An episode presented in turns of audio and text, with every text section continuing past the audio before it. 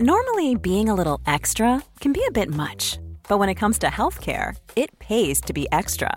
And United Healthcare makes it easy with Health Protector Guard fixed indemnity insurance plans. Underwritten by Golden Rule Insurance Company, they supplement your primary plan, helping you manage out of pocket costs without the usual requirements and restrictions like deductibles and enrollment periods. So when it comes to covering your medical bills, you can feel good about being a little extra. Visit uh1.com to find the Health Protector Guard plan for you. When you're ready to pop the question, the last thing you want to do is second guess the ring.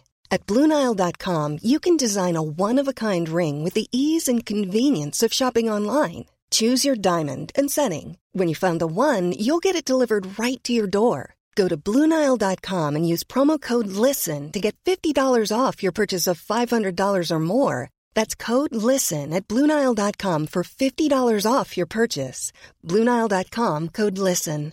Imagine the softest sheets you've ever felt. Now imagine them getting even softer over time. That's what you'll feel with Bowl and Branch's organic cotton sheets. In a recent customer survey, 96% replied that Bowl and Branch sheets get softer with every wash. Start getting your best night's sleep in these sheets that get softer and softer for years to come. Try their sheets with a 30-night guarantee. Plus, get 15% off your first order at bowlandbranch.com. Code BUTTERY. Exclusions apply. See site for details.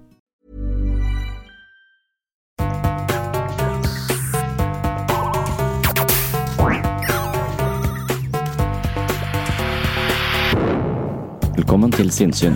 Jeg heter Sondre Risom Livre, er psykolog, og dette er Webpsykologens podkast. Hverdagspsykologi for fagfolk og folk flest.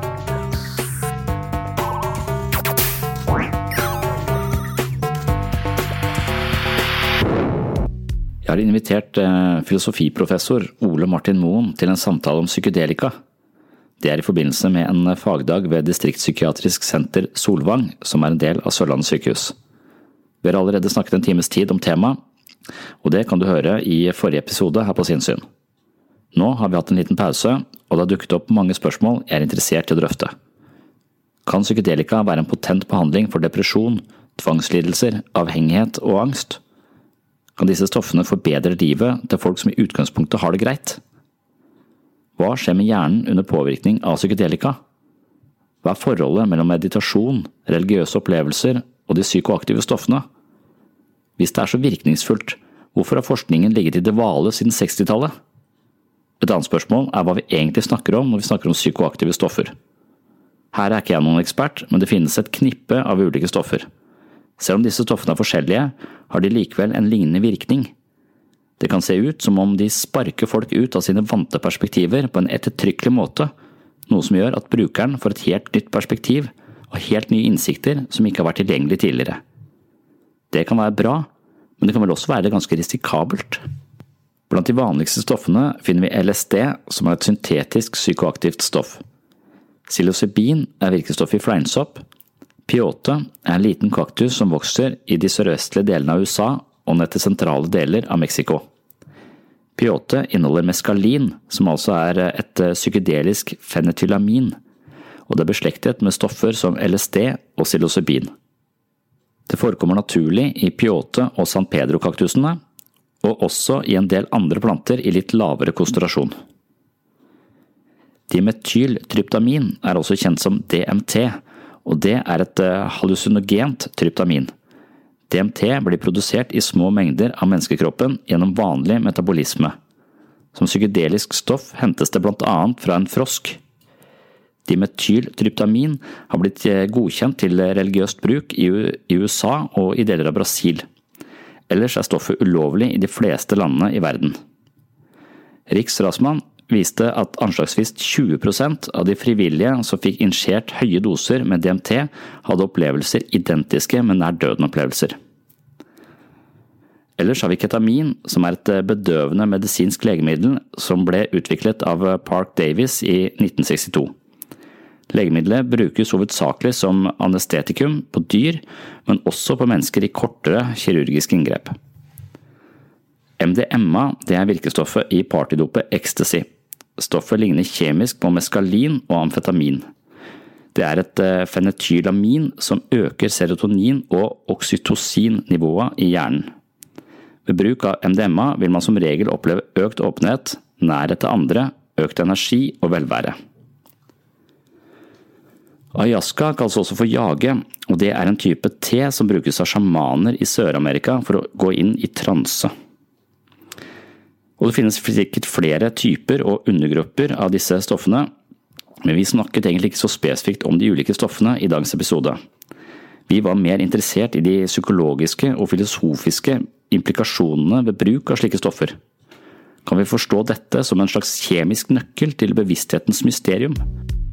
Vi fortsetter litt eh, herfra. Eh, fortsetter samtalen, men vil også åpne nå for eh, spørsmål etter hvert fra dere. Så skriv det ned, og så kommer jeg rundt med mikrofonen. Så kan vi lufte det vi, det vi lurer på. Og, og, så er det lunsj halv tolv, da. Og etter det så kommer Tor Åge Eikerapen og skal snakke om forandring uten LSD. Det blir sikkert ikke så potent, men uh, han er ganske potent, så jeg tror det kan bli gøy, det også.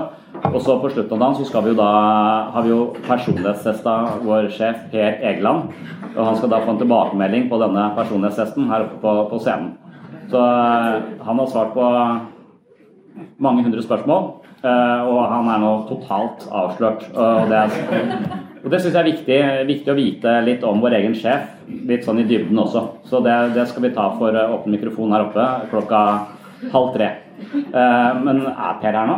Nei. Nei, ikke sant? Så jeg Jeg lurer på om han rett og slett ikke kommer. Uh, da slutter vi halv tre, men vi får håpe han kommer. Uh, for, tenk litt på spørsmålet. Jeg har et spørsmål først som jeg har lyst til å stille. En av de tingene som jeg har drevet med ganske store deler av livet er å være redd for å dø. Eh, jeg vil helst unngå det, så jeg gjør veldig mye for å, eh, for å unngå det. Og Det er kanskje derfor en av de, har hatt et prosjekt om å bli religiøs. og det er kanskje litt, litt, av det prosjektet var hva sier de om hva som skjer eh, når vi dør? Finnes det noen perspektiver der som kan dempe min dødsangst på en måte? Og det gjør det jo hvis du tror på dem, men, men jeg hadde problemer med, med det.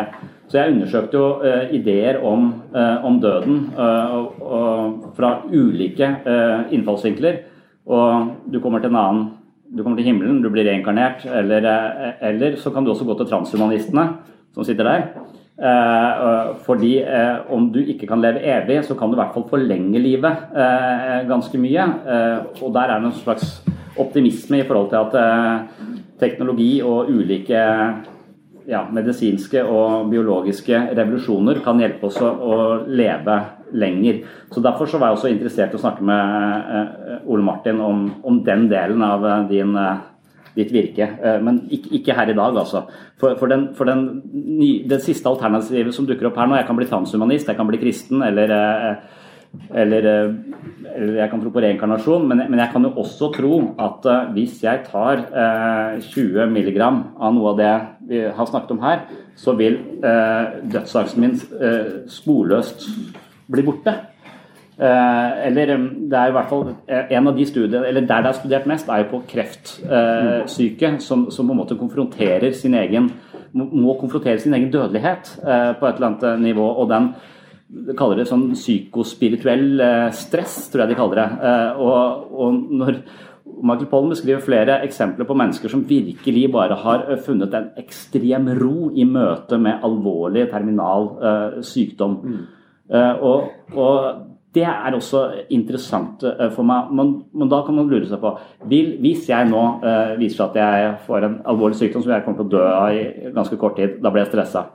Hvis jeg da tar et, et, eh, et, av disse midlene, vil jeg da bare på en måte den dødssaken sløres bort i en eller annen eh, psykedelisk tripp med noe mekaniske alver som trøster meg, og egentlig bare ta brodden av dødsangsten ved å, sånn som man kunne tenke Sobril gjorde, et eller annet som sløver, sånn at jeg ikke tenker så mye på det?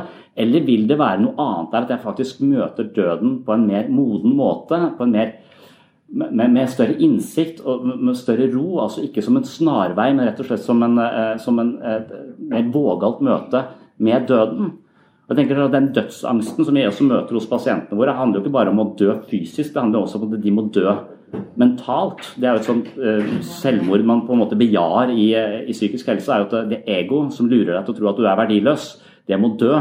Og så må det uh, oppstå et nytt, et nytt selv her, som tenker annerledes. og Det betyr at det, din identitet, din måte å være på, din måte å forstå deg selv på, må dø til fordel for noe nytt. Og Det er jo den overgangen der som også er ganske stressende for folk, og vanskelig. Så det er jo en slags minidød som skjer nærmest hele tiden. Så, eh, så eh, hvis du skjønner at ego er dette som på en måte må dø, så får du kanskje, kanskje du blir preppa på døden på en annen måte hvis du får et annet innsikt i ego. Hva tenker dere eller, eller du om det som skjer der? Ja. ja. Først vil jeg jo si at for meg som er ikke-religiøs, høres det som et genialt alternativ til en sykehusprest, f.eks. Ja. Den er på myt. Der. Se der. Er det? Takk. For meg, meg, som ikke er så veldig religiøs, høres det som et genialt alternativ til en sykehusprest, f.eks. Eh, ellers, ja. ellers så tenker jeg at hvis det stemmer det at man, man snur på en måte tankesett sitt fra, altså verdisystemet sitt eller tankesett sitt fra mer sånn eksterne verdier til mer det her indre takknemlighet, aksept, uh, kjærlighet, mm. den type ting, så høres det jo ut som man psykologisk sett at på en måte møter døden på en mer moden måte, kanskje. Mm. Det høres jo veldig interessant ut da, hvis det er det som faktisk foregår. Mm. Ja, altså Et syn er at du begynner å tro at reinkarnasjon er sant, eller at Gud finnes. Altså at du lures til å Dere hører meg nå, ikke sant? Nei. Jeg Er også mytet? Skal vi se. Men nå hører dere meg. Ja. Um, uh, et syn vil jo være at psykedelika får en Det lurer en til å tro nettopp at, at ja, man reinkarneres, eller at Gud tar vare på deg. Og da er det jo på en måte lurt da, av noe. Men spørsmålet kan det være at du når en eller annen form for innsikt. da, Og så kan det være en eller annen noe du skjønner. Og det er jo en del det er mange som tenker at filosofi kan hjelpe en i møte med døden. Det mener f.eks. Epikur, som er en kjent gresk filosof, som mente at, at, at døden kan jo aldri, aldri oss, Onde døden kan ikke nå oss, fordi eh, hvor det kan aldri nå oss. Kan aldri, døden kan aldri treffe oss. Fordi så lenge du finnes, så er ikke døden i ditt liv. Og idet døden kommer, så er ikke du der lenger. Så den kan aldri klare å, å skade deg, fordi dere er på, på helt ulike steder. Eh, og mente også at sånt, også syns, et, et, syn som også er si, mer filosofisk, da, som er at vi, de, vi, vi har jo alle sammen eh, milliarder av år bak oss der vi har vært døde.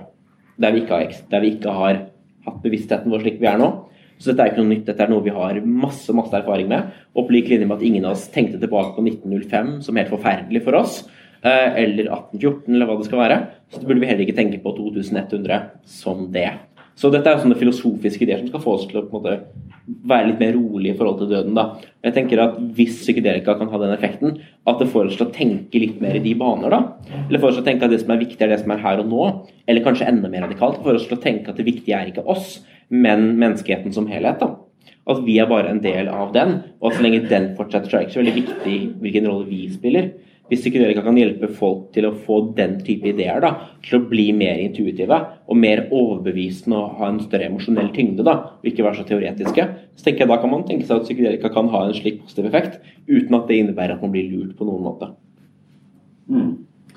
Ja, så man kan tenke eh, sånn Utviklingspsykologisk så tenker man kanskje at mennesket hele tiden beveger seg fra å være egosentrisk, meg og mitt og mitt perspektiv, til etnosentrisk, altså kunne ta, ha et perspektiv som inkluderer eh, mor og far, eh, bror og søster, nabolag, fotballag, skole, land.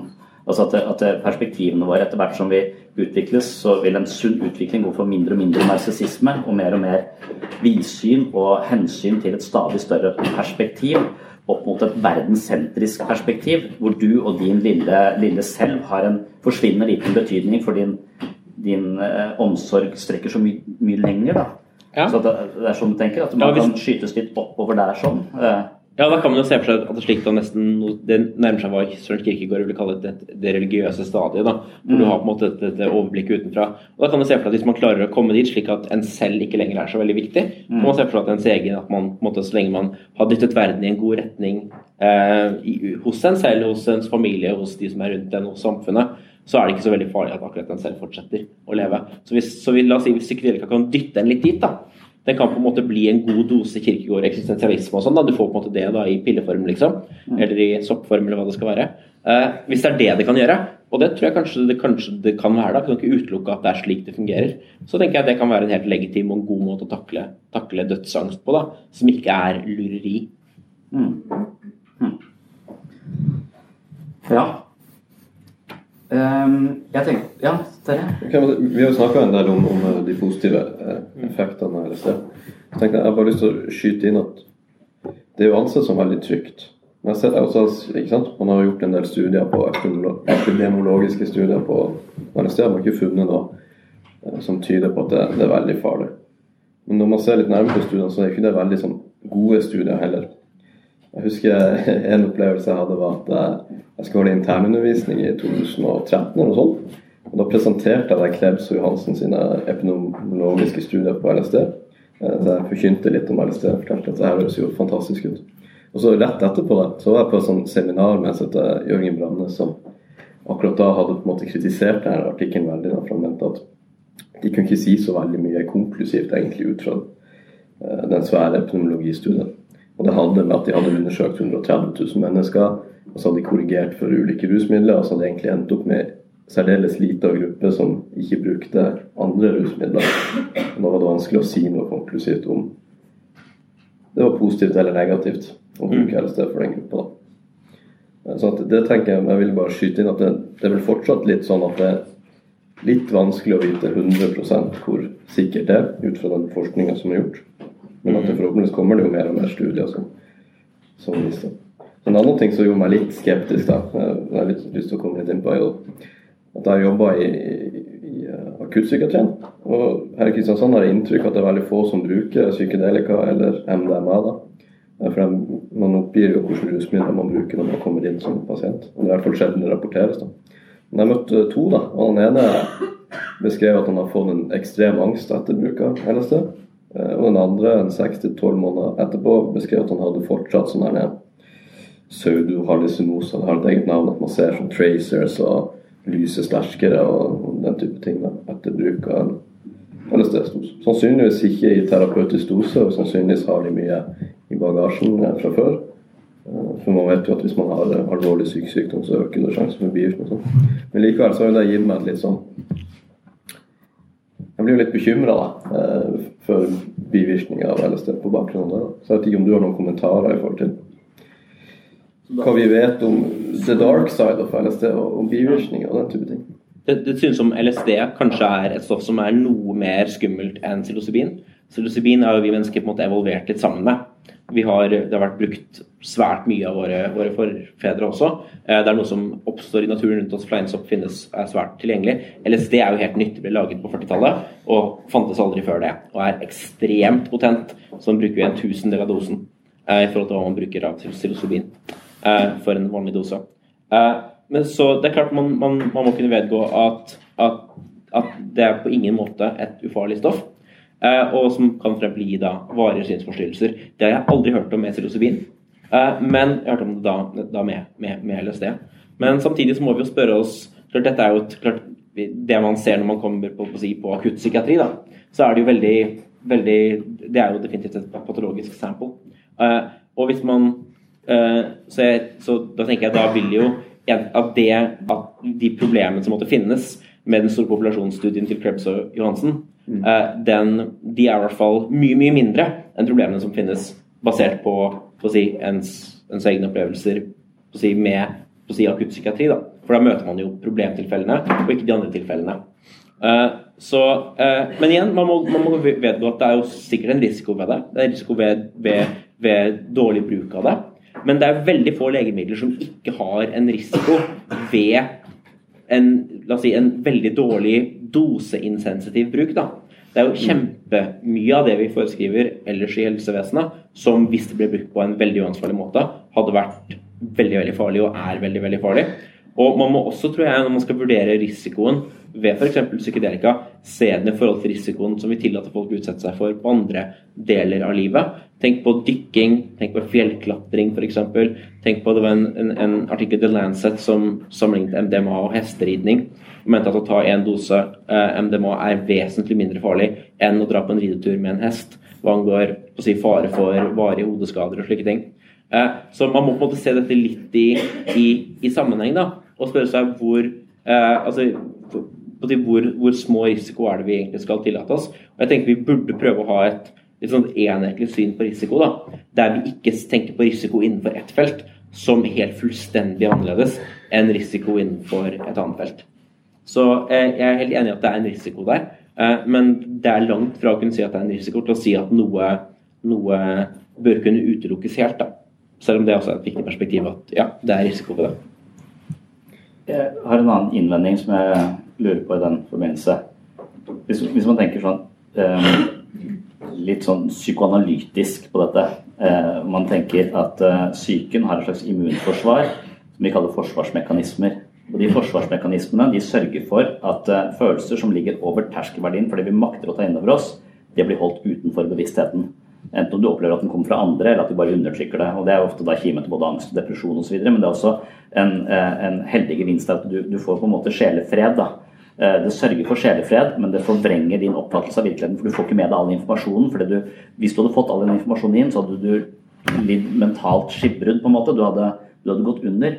Så at eh, kroppen har et immunforsvar som vi trenger for å, for å overleve. Og psyken har kanskje tilsvarende immunforsvar som vi trenger for å holde eh, balansen. Og spørsmålet er, sånn som jeg forsto eh, Michael Pollens beskrivelse av at noen av disse stoffene fungerer ikke at de åpner hele hjernen, men de demper den delen av hjernen som holder inntrykk ute. Så at vi kanskje ser klarere. Men spørsmålet hvis, Uansett så må vi bo i egoet vårt og perspektivet vårt. Eh, og hvis det er et litt skjørt sted og ikke er plass til så mye, har vi på en måte muskler til å bære eh, den typen eh, innsikter vi eventuelt ville få. Og hva skjer hvis vi bare lar alt komme inn på bevissthetens arena, når vi har et psykisk forsvar som jobber intenst med å holde det utenfor? som jo skaper konflikter og patologi i seg, men det sørger likevel for at det ikke går totalt dukken. da. Så, eh, så, det virker som om det er en måte å, å lure det psykiske forsvaret på. Og da spør, det, sånn, det virker litt sånn farlig i den forstand. Skjønner du hva jeg mener? Uh, jeg, jeg, jeg, skjønner godt hva du mener. Det kan være spennende tror jeg, å flytte dette et nivå opp. Okay. Og se på dette som et argument for sensur på samfunnsnivå. Okay. Da du kan tenke at samfunnet også er litt skjørt. Ja. Og at samfunnet har sine, liksom, sine, mekanismer for å undertrykke en del type kritikk mm. som ville vært veldig rammende hvis den kom opp. Så Derfor kan, må vi ha streng sensur på hva som kan trykkes og hva som kan sies. Okay. Fordi, og, og jeg syns disse nivåene på en måte har litt ting til felles. da. Som det jeg sier nå er mot ytringsfrihet? Ja, tilsvarende. Ja. Mm. Eh, det vil jo være parallellen her. da. Jeg, tenker, jeg vil på en måte utfordre deg hvis du på en måte, i den grad man kjøper det argumentet. da. Jeg tror det argumentet har noe for seg. Da må man spørre seg hvordan fungerer dette på andre nivåer. Hvis det er farlig å begynne å grave i ting, eh, burde vi legge ned akademia? Akademia graver jo i ting. Det er det vi driver med i akademia. Du bare brenner hele biblioteket i Alexandra? Det kan jo, ikke sant? Eh, eh, og, så da er spørsmålet burde, burde vi det? Burde, vi drive, burde, man egentlig drive med psykologi eller psykiatri og den slags type ting også, da? Som vi forsøker å finne ut av hvordan ting kanskje egentlig er, hvordan ting egentlig på å si, eh, henger sammen. Eller burde man bare prøve å opprettholde forsvarsmekanismen vi har? Og det er klart det kan være, som har et veldig sånn tragisk verdensbilde, så er verden bare helt forferdelig. Og eneste måten å overleve på, er bare å holde øynene lukket. på en måte. Du må ikke se. Uh, fordi hvis du ser, så er det grusomt. Uh, men å på en måte gå med på den formen for måte å håndtere ting på, da, ikke bare på kort sikt, men også på, på lang sikt da, for en selv over mange tiår. Det, det å på en måte bare dytte skjelettene inn i skapet og så bare prøve å holde døren skikkelig hardt lukket, så de aldri kommer ut, det er jo å gå lenger og lenger og lenger inn en problematisk vei. da, Der det blir mer og mer og mer skummelt å åpne den døren, for det er flere og flere skjeletter som kan komme ramlende ut hvis du åpner. Men jeg er helt enig i at det, er skummelt å åpne den døren, men det kan også hende at, det er, at, det er min, at på et eller annet tidspunkt så kommer den ut uansett. Men Da, da Eller så svaret dytter du flere lik inn der også, som også er litt skummelt for de menneskene som ble de likene. Jeg skjønner, skjønner hva du mener. Men, eh, men eh, da vil jeg, eh, svaret mitt være at jeg har ikke på en måte kapitulert helt i forhold til at vi ikke skal våge flere følelser, forstå og tåle mer psykisk ubehag. For hvis vi det er sånn på Jung også sier at vi må, vi må ned i eh, Ingen tre vokser inn i himmelen med mindre du har røtter i helvete. Så vi må på en måte erkjenne disse, eh, disse eh, skjelettene vi har i skapet. Vi er nødt til å møte dem. Men hvis vi, eh, og, og kanskje i vår kultur, som er veldig sekulære, ikke har hatt noen sånn særlig religiøs praksis for sånn mental disiplin. altså I andre tradisjoner så har de ofte mediterer de mye. altså De har en sterk frontallapp så, som de kan på en måte håndtere alt som foregår eh, på innsiden. så Det er det vi prøver å trene opp i psykisk helse. Vi prøver å eh, på en måte eh, kvalifisere mennesker for å bære, for å føle mer. altså Det handler om en slags mental vektløfting i den forstand at du skal Utvikling handler ikke om å få det bare bedre, det handler om å tåle eh, mer sorg og mer glede. Altså Det handler om å spille på flere tangenter, det handler om å tåle flere følelser. Men foreløpig så vil ikke du uh, være i stand til å spille på mer enn fem tangenter, men etter hvert som vi trener, så kan du spille på flere. Og tilsvarende hvis du driver med vektløfting, da, så, så, så, sier du at uh, ja, mitt mål er å løfte 250 kg i benk. Da begynner du ikke på 250 kg i benk, for da dauer du. Så du begynner på 40, og så tar du 40 i en måned, og så tar du 45, og så jobber du det oppover. Så dosene bør trappes opp, også av psykedelika? Ja. Så jeg, jeg bare tenker at, at, Hvis psykedelika da er 250 kg i benk, bang, og så har du ikke muskler til å bære mer enn uh, 40, mm. er ikke det farlig? Jo, helt sikkert. Ja. Eh, men så det kommer an på hvordan er det parallellen da kan gå tilbake igjen. da. Ja. Var den på at dosen bør trappes opp, eller at man ikke bør bruke det i det hele tatt? Nei. For du kunne ikke si at du kan ikke ta 250 kg i benk. Derfor bør du aldri gå på treningsstudio. Er det enig? Det ville vært et, et, rart argument. Men det er et argument mot å blande inn i, i vannet vårt. Ja, ja, ja, absolutt. Jeg er enig. Vi bør ikke blande i vannet vårt. Nei, det er jeg enig Men, eh, men jeg, jeg, jeg synes det er altså For, for ethvert verktøy vi kan bruke i samfunnet, så finnes det dårlige måter å bruke det på. Mm. Det er dårlige måter å gjøre alt på. Mm. Så at det finnes dårlige måter å bruke psykedelika på, er på en måte nesten det er no-brainer. Mm. Åpenbart er det dårlige måter å bruke det på. Det spennende spørsmålet er finnes det noen gode måter å bruke det på. Eh, og eventuelt hvor vi er den kretsen. Det kan være null gode måter å bruke, bruke, det på, eller noen gode måter å bruke det på. Og hvis det er gode måter å bruke det på, så, det, så bør jo det utforskes og, og, diskuteres og kanskje da benyttes. Men Kjenner du da til om det finnes, 40, eh, finnes det manualer på, på 40 kg eh, når det gjelder LSD, eller finnes det bare 250 kg bang, kosmos? Finnes det? det finnes jo, du, du har jo Det kalles jo mikrodosering, da, f.eks. Okay, som er bruk av veldig veldig små doser. Eh, ja, ja, og, og dette forskes det på. Man forsker på forskjellige doser og hva dette gjør med folk. Da. Og jo, jo, jo større doser, jo, jo, jo, heftigere opplevelser får jo mennesker. Ja. Dette er jo veldig heftig. Dette er jo noe som kan være på si, livsendrende på, på, si, på, på, godt og vondt. Mm. Men, eh, men, eh, men så, så mitt syn er ikke at dette altså Hvis man skal på en måte forsvare dette, så er det ikke sånn at dette bare er liksom sånn, en sånn guddommelig kraft som bare kommer, og alt den gjør, er godt. Og jo mer, jo bedre. Det ville vært et forferdelig naivt syn på dette. Eller et naivt syn på hva enn, da. Men det er på en måte man har forskjellige verktøy for å kunne takle våre sinnstilstander. da. Og noen av disse verktøyene er en del av det psykiatrien har. Andre av disse er forbudt. Og det er straffbart å ha dem og straffbart å bruke dem. Og jeg syns det er litt rart, da, gitt at disse stoffene her sånn, synes å ha et mindre skadepotensial enn en del av det som allerede brukes som legemidler, og kanskje et større også potensielle fordeler enn mye av det som brukes som legemidler. Så jeg vil gjerne da utfordre det synet på at disse skal utelukkes helt, da, og bare høre hjemme på narkotikalisten der de står i dag. Mm. Ja, du, du, har jo allerede kommentert litt på det, men jeg tenker jo at sånn som det beskrives her stoffet, så er det som Sone sier, så ekstremt potent. ikke sant? Da, da tenker jeg at det det er så veldig store krav. Eh, det bør være store krav til safety. Vi sa jo nettopp at det gjøres studier på der man prøver doseeskalering og den type ting, så det er jo veldig bra. Eh, men i og med at det har sånne ekstreme effekter, så tenker jeg det også krever at man må være veldig forsiktig og, og forske godt på det før man introduserer det for fort, tenker jeg. Klart. Ja. Jeg håper at det etterpå så du kan gi meg en slags opptrappingsplan for mitt eget eksperiment. Ja. Eh, jeg tenkte at eh, vi skulle ha spørsmål, eller hvis det er noen eh, som lurer på noe. Det håper jeg litt. Ja, så bra. Da går jeg rundt med mikrofon. Jeg tenkte på det dere snakket om. Det ble nevnt Mureri og kirkegård. Og så tenkte jeg på det Du var inne på motstand hos pasienter Tenk deg på motstanden hos oss. Her, her må vi begynne forsiktig. Ja. Um, og den, den, kulturelle arven vi, vi, sitter fast i med, med oldefar Kirkegård, bestefar Nietzsche f.eks., som, som uh, mener da liksom at uh, vi må uh, embrace the anxiety. life is hard. Og jeg tror, jeg tror, vi sitter veldig fast i det, altså, også som, som behandlere.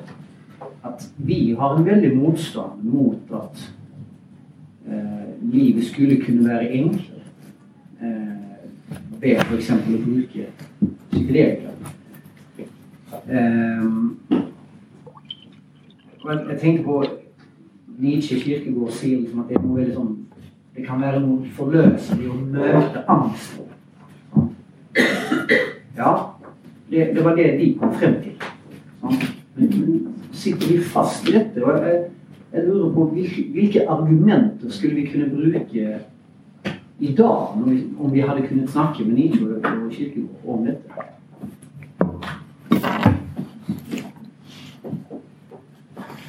Ja, litt, litt tilsvarende Jeg vet ikke om det var det du sa, så har jeg tenkt eh, det å endre seg Eller rask endring. Liksom vi har en idé om at alt tar lang tid, og du går veldig sånn eh, trått. Men spørsmålet er går det an å bare ut av den virkelighetstunnelen på veldig på en veldig rask måte, og kan vi bære det? Og Det er kanskje det som skjer på kanten av livet, at mennesker får helt store perspektivendringer når de holder på å dø f.eks. osv. Det er kanskje en annet aspekt enn det du, det, det du spør om, eller kommentaren. Har du noen kommentar til det? Ole Martin? Jeg, jeg tenker Dette er litt tilsvarende det, det jeg forsøkte å svare på i sted også. Spørsmålet om å se versus ikke å se, om å ta tak i versus ikke å ta tak i.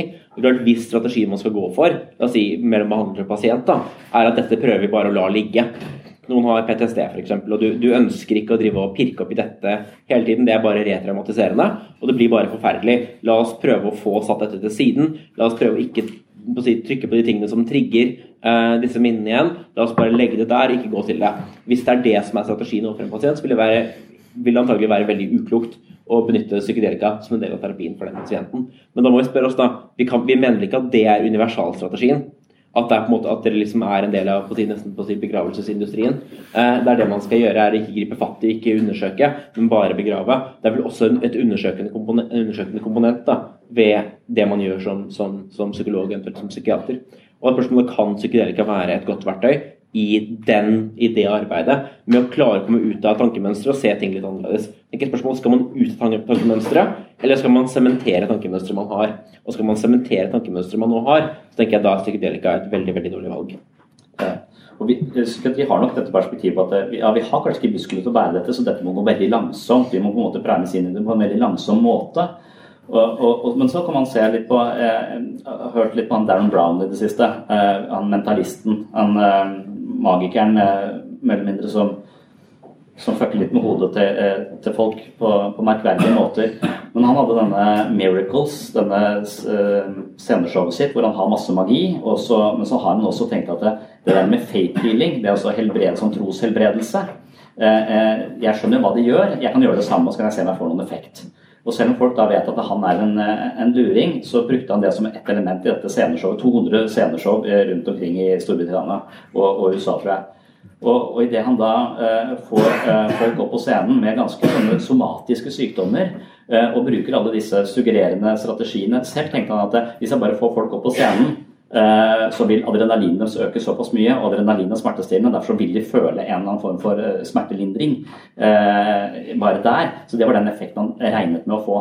Men så viste det seg at han, eh, han, får mange andre effekter. Og så skriver folk til han lang tid etterpå at ja, fuck you, du trodde bare lurte meg ut av den sykdommen, men jeg er ikke fortsatt frisk, jeg, så bare eh, så, så faen av deg. Og da spekulerer han på hva er det som skjer der. Og han mener at jeg sparker folk ut av sykdomsnarrativet sitt. Altså smertenarrativet. altså det, det, veldig disse narrativene og fortellingene vi har om oss selv. Hvis du klarer å bryte de ganske tvert og gi dem et alternativ eller bygge opp noe nytt, så er det veldig potent. Så kanskje det han gjør eh, i en litt sånn eh, suggererende måte på en scene, kan ligne litt eh, på, på det som disse stoffene kan også tilby. Det kan godt hende. Mm. Jeg, jeg, tenker, Det er jo et, et uromoment ved det. Det er jo en annerledestenkning ved det. Det er å utfordre eksisterende maktstrukturer, utfordre eksisterende autoriteter. Ta for gitt at sånn skal det bare være, for sånn har det alltid vært. Mm. I en parallell til 60-tallet, f.eks., hva som da skjedde. Hvordan man utfordrer det eksisterende som fantes da. Eh, det er, og det er jo alltid skummelt å gå inn i det ukjente og gå et sted hvor man ikke helt vet hvor man da vil komme. Jeg tenker jo Det er jo litt av det den utforskningen der er på en måte noe av det den vitenskapelige revolusjonen handler om. da. Om å forsøke å gå ut i verdensrommet, finne ut hva som er der. Eh, om å gå inn i verdensrommet nesten, da, ned på, på si, finne ut hva det, hva det atomene våre består av. Prøve å gå inn i våre egne sinn, som gjør det psykologien gjør. Vi forsøker å se ulike veier. da, Og det kan godt hende at vi ikke bør se. Men jeg er veldig glad for at man ikke, at man ikke på, si, på slutten av middelalderen valgte den. da, at vi skal ikke se, vi skal ikke gå dit, vi skal ikke reise ut, vi skal ikke undersøke. Vi skal ikke eksperimentere, fordi vi kan jo finne ting vi ikke vil finne.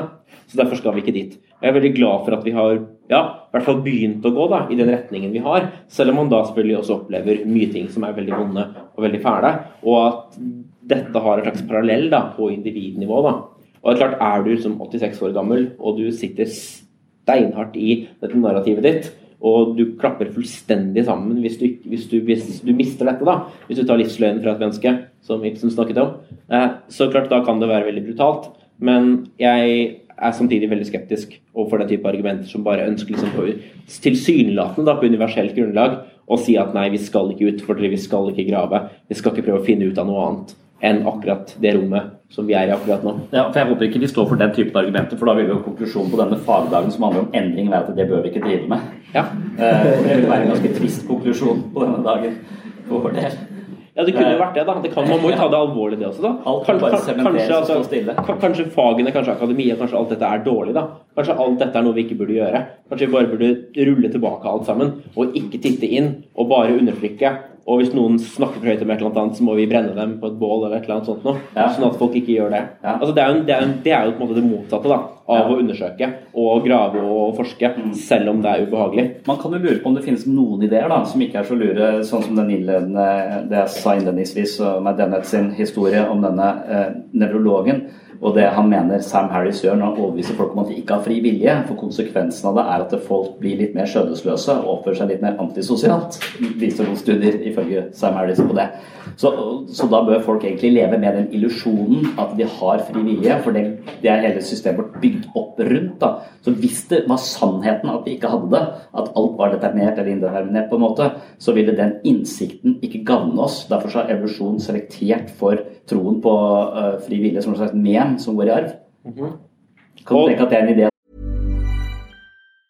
Mom deserves the best, and there's no better place to shop for Mother's Day than Whole Foods Market. They're your destination for unbeatable savings, from premium gifts to show-stopping flowers and irresistible desserts. Start by saving 33% with Prime on all body care and candles. Then get a 15-stem bunch of tulips for just $9.99 each with Prime. Round out Mom's menu with festive rosé, irresistible berry chantilly cake, and more special treats. Come celebrate Mother's Day at Whole Foods Market. Planning for your next trip? Elevate your travel style with Quince. Quince has all the jet setting essentials you'll want for your next getaway, like European linen, premium luggage options, buttery soft Italian leather bags, and so much more. And it's all priced at 50 to 80% less than similar brands. Plus, Quince only works with factories that use safe and ethical manufacturing practices. Pack your bags with high-quality essentials you'll be wearing for vacations to come with Quince. Go to quince.com slash trip for free shipping and 365-day returns. I'm Sandra, and I'm just the professional your small business was looking for. But you didn't hire me because you didn't use LinkedIn Jobs. LinkedIn has professionals you can't find anywhere else, including those who aren't actively looking for a new job, but might be open to the perfect role, like me. In a given month, over 70% of LinkedIn users don't visit other leading job sites. So if you're not looking on LinkedIn, you'll miss out on great candidates like Sandra. Start hiring professionals like a professional. Post your free job on linkedin.com/people today. Mom deserves the best, and there's no better place to shop for Mother's Day than Whole Foods Market. They're your destination for unbeatable savings, from premium gifts to show-stopping flowers and irresistible desserts. Start by saving 33% with Prime on all body care and candles. Then get a 15-stem bunch of tulips for just $9.99 each with Prime. Round out Mom's menu with festive rosé, irresistible berry chantilly cake, and more special treats. Come celebrate Mother's Day at Whole Foods Market. Market. A lot can happen in three years, like a chatbot may be your new best friend. But what won't change? Needing health insurance. United Healthcare Tri Term Medical Plans, underwritten by Golden Rule Insurance Company, offer flexible, budget friendly coverage that lasts nearly three years in some states. Learn more at uh1.com.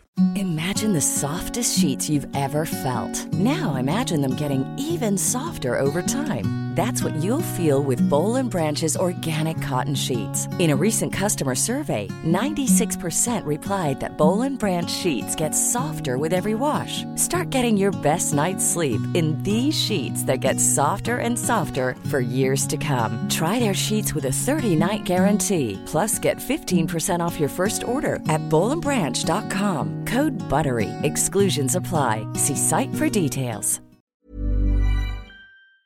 Som vi ikke bør, som, som, eh, som vi bare bør la ligge og bare tro på. Selv om det eventuelt er falskt. Det, det, det, det er mulig. Jeg tror ikke på fri vilje. Uh, og, og, eh, og i hvert fall, jeg, jeg, jeg, i en slik dyp forstand som at vi er dypt moralsk ansvarlig for det vi gjør, det tror jeg ikke vi faktisk er. Uh, og det er spørsmålet kan det være at likevel en usann idé eh, har gode sosiale konsekvenser. Og det kan man jo se for seg. Man kan se for seg en, en usann sosial idé som, i det samfunnet, som er at Gud straffer deg i det hinsidige hvis du stjeler. Selv om du ikke blir tatt for det her, så får du din straff i det hinsidige. Det kan man se for seg at er en god en idé som er usann, rent sånn filosofisk, men som likevel har gode konsekvenser. Så Derfor har vi alle egentlig på en måte egoistiske insentiver til å fortelle andre at det er sant. Det er litt sånn som å, å fortelle barn at hvis de er snille, så kommer julenissen gi dem gaver og slike ting. Det kan kanskje være sosialt nyttig på en måte, men det er også litt sånn farlig og undergravende da, å få folk til å tro på andre ting. Og jeg tenker med fri vilje, da. Å tro på fri vilje er også ganske mange skikkelig negative konsekvenser. Det, man, kan, man kan få et sånn straffevesen hvor man virkelig tenker at her skal noen virkelig lide. Ikke bare fordi det dessverre er nødvendig for å avskrekke, og ikke bare for å hjelpe noen videre, men fordi de fortjener å lide. Det er ganske brutalt. Det er ganske, ja, og jeg tror ikke på ondskap i? Så det er fælt. Og ikke minst for en selv, da. Eh, Etter jeg sluttet å tro, tro på frivillighet, så var det så mye lettere for meg å innrømme mine egne feil. At jeg gjorde et eller annet som var galt. Hvis det har gjort noe galt, betyr at da er du syndig, og da får du sju minuspoeng eh, i på å si, moral, eh, moral på å si, ja, eh, målestokken. Og da er du syndig. Det er, da er det veldig vanskelig å innrømme at det er et eller annet feil man har gjort, eller feil man har sagt. Eller mm, at man har hatt en feil verdi. Mens hvis dette ikke er noe som automatisk fører til at du får denne synssaken over deg, da, er det kanskje lettere å kunne se rundt i en selv og i andre mennesker uten å være redd for en fordømmelse hvis man, ikke, hvis man ser noe man ikke hadde lyst til å se. Så jeg skulle gjerne sett at man forsøkte å ikke bare kartlegge de eventuelle negative implikasjonene da, av ikke tro på frivillig lenger, prøvde å se på de positive sidene ved det også. Ja. For, for meg så har jeg hatt litt det samme. Jeg bruker det perspektivet når det passer. Jeg. Eh, Når sønnen min oppfører seg eh, på en måte på en måte som jeg ikke ønsker at han skal oppføre seg. Han irriterer livet av meg og, og, og skriker til meg. Så tenker jeg at men det er jo ikke, han har ikke noe fri vilje, han har ikke frontallapper heller, så han klarer ikke å, å, å, å. Han har vel det? Eh, Ja, men de er ikke ferdigutvikla før du er 25, så han har svake frontallapper. Eh, eh, og så, så da, men med en gang jeg ser han som skyldig i det han gjør, så, jo, så blir jeg jo forbanna og sint. Og, og han, Men med en gang jeg ser han som ikke skyldig, så kan jeg forstå det og håndtere det på en mye mye mer pedagogisk korrekt måte. da. Selv om det er ikke så lett å innta det perspektivet. Så på mange områder så funker det perspektivet eh, veldig, veldig bra. Men når det kommer til eh, kjærlighet f.eks., så fungerer det perspektivet ikke så bra. For hvis jeg tenker at kona mi er en biologisk klump som sier at hun elsker meg bare fordi det er, har overlevelsesverdi og det er koda inn, og det er sånn, sånn, så det ikke egentlig er hun som virkelig vil ikke, hun, hun må velge meg for at jeg skulle kunne være en som er eh, jeg elsker Hvis jeg ser veldig sånn deterministisk på det, så forsvinner litt av, eh, av kvaliteten i, i det å elske. Nei, nei, nei. Det? Nei, det er jeg helt uenig i. Eh, eh, Det, det, det er ikke bare det at hun er en hun, Det er sant at hun er en biologisk klump som sier at hun elsker deg. Det er sikkert riktig. Eh, Det, det er sant om verden. Men det betyr ikke at det er usant. Hun genuint har en følelse som er slik at den, når den er rettet mot deg, så føler hun en intens kjærlighet. Og det kan også være sant. Eh, Så det er ikke gitt at alt dette bare blir et skall og bare et lureri, selv om man ikke har fri vilje. Alt kan være genuint og helt ekte og, og genuine følelser og genuin omsorg og omtanke. Spørsmålet om fri vilje er bare kunne vi bare ha valgt alltid å gjøre noe annet? Spørsmålet kunne hun ha valgt for neste sekund å ikke elske deg lenger, f.eks. Og det kunne hun kanskje ikke ha valgt. Men jeg tenker den elskingen er fortsatt verdt mye, selv om hun ikke bare kan velge den bort. Så jeg ser ikke hvordan denne radikale friheten da, til å bare kunne velge ens egen opplevelse for eksempel, da, skulle være en forutsetning for at kjærligheten skulle være reell. Ja, det var godt å høre. Eh, har vi eh, flere spørsmål? Det var litt på siden, eh, dette med frivillig var min skyld. Eh, det var ikke din skyld. Du var ikke skyld i noe. Nei, nei. Det var forutbestemt fra the big bang at jeg kom til å si akkurat det. Ja, da går jeg bak der.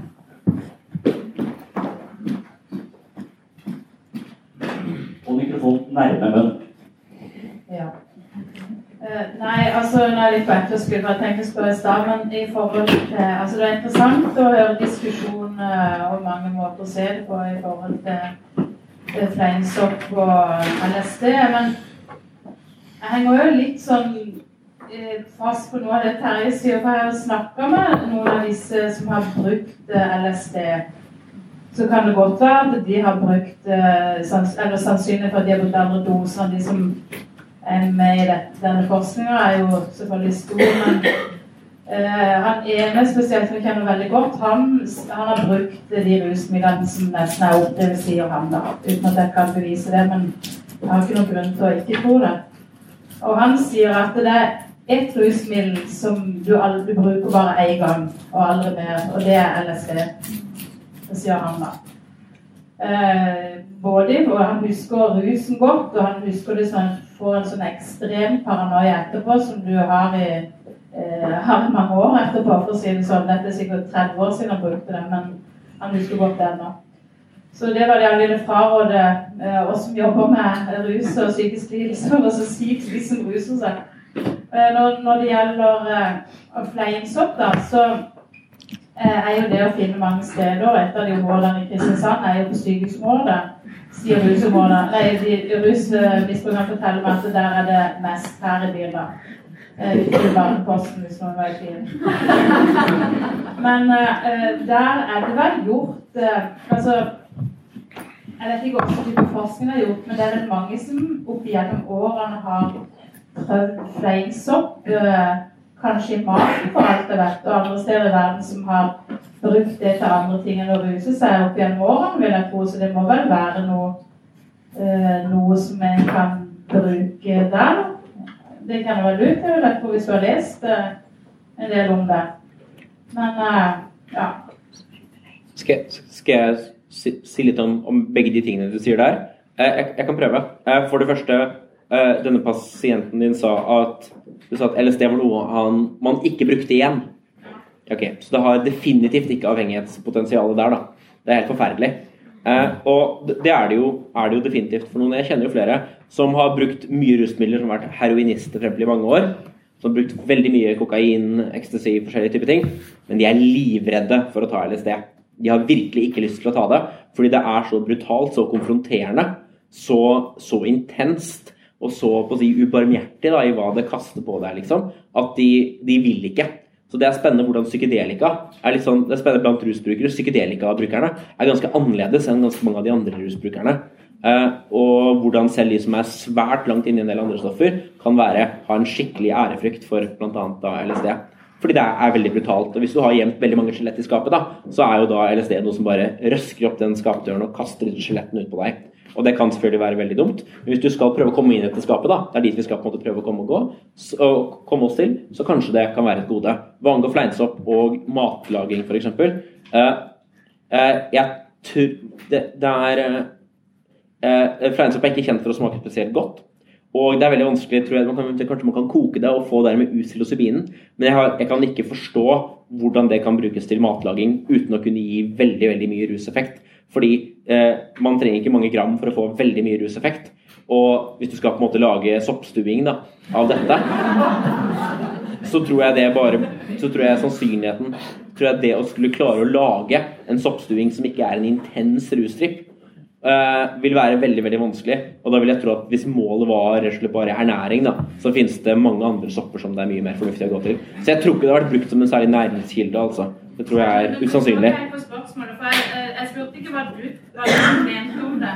Men jeg spurte om det var gjort opp gjennom årene, så vil jeg jo tro at det er blitt brukt, om det er til rus eller til andre ting. Det må, det må jo være noe ja. som er brukt. Ikke hva du I, Nei. Ja, men Det er jo hva jeg mener om sannsynligheten for at det brukes til ikke-rusformål. Det brukes til religiøse formål, bl.a. i Sør-Amerika har vært gjort kjempelenge. Så det brukes til men Jeg syns det virker som du brukte til å lage mat med det, f.eks. Og jeg sa bare at jeg tviler på at det har vært brukt til det. Det virker som en veldig dårlig matlagingssopp. Uh, men det kan godt hende det har det, altså. For alt jeg vet. Men jeg, det har det. Og de selger noen Magic Pizza andre steder i verden som bl.a. er brukt av flamesopp. Men ja, men jeg, jeg, tror den magicen der Jeg tror den indikerer at dette er et middel henimot rus, og ikke et ernæringsprodukt. Ja. Noen av disse stoffene er jo legalisert som spirituelt uh, verktøy, kan man si, i, i, noen land. Jeg husker ikke hvem av dem, men det leste jeg på Wikipedia før vi skulle ha den samtalen. Ja, det gjelder USA også, så er DMT tillatt. For, ja. for, for, på å si innfødte mm. uh, si, uh, som, har, så, som, har, muligheten til å kunne bruke dette, og har et unntak fra lovbestemmelsen om forbudet. Fordi mm. de har brukt dette i tusenvis av år. Ja, og, de bruker det med omhu, kan man si. Og det, I forhold til det, dette med disse rusmisbrukerne eh, som har en ærefrykt for LSD, så er det kanskje Det er jo berettiget. Jeg vil ikke si at det vil ikke fremstå som veldig konservativt, bør ikke bruke dette, men, men, hvis du ikke har noe sted å bo, eh, eh, og, og, ikke noe penger, og du er avhengig av heroin, i den situasjonen så har du kanskje ikke, da har du kanskje ikke de sosiale strukturene rundt deg til at det er noe lurt akkurat da. Da må du kanskje sørge for at omstendighetene dine er litt annerledes for å kunne ha noe nytte av det, av det stoffet. Så det er jo kanskje naturlig at de som har, har det vanskelig i livet sitt og er på felgen, Eh, på både fysisk og psykisk, kanskje, ikke eh, går rett på, på LSD. Det er fornuftig ting. Og Det kan være litt tilsvarende det å ta filosofi grunnfag. da. Ja. Det bør du jo definitivt heller ikke gjøre Nei. hvis ting er litt ustabile. For ja. Plutselig så begynner alt å flyte. Finnes ja. farger, eller finnes det egentlig ikke? Finnes andre mennesker, eller gjør det ikke det? Hvem er jeg? Er jeg den samme hele tiden, eller er jeg ikke det? Uh, finnes egentlig jeg, Elsker min kone meg, eller elsker hun meg ikke? Hvor fri er hun? Eh, finnes min kone i det hele tatt? Hva er en kone? Altså, alt begynner på en måte bare å gli ut. da Så Det er jo veldig skummelt. Og det er veldig mange sånne ting du da ikke bør gjøre hvis ting er ganske ustabile. Og, men jeg vet ikke om Men jeg tenker jo på psykedelika som litt noe av noe det som kan gjøre noe av det samme da for folk. Det er veldig farlig å gå dit, men jeg tror ikke det er den eneste veien dit. Litteratur og filosofi og slike ting kan også ha litt tilsvarende effekter på folk. Ja, det er helt enig. Og det er derfor jeg tenker litt om vår, uh, vår bransje også. At det jeg føler vi av og til driver med i psykisk helsevern, er et slags mentalt treningsstudio. Uh, hvor vi øker doser av uh, innsikt, kan man si, men innenfor de rammene som gjør at folk ikke går i bakken eller får en bad trip.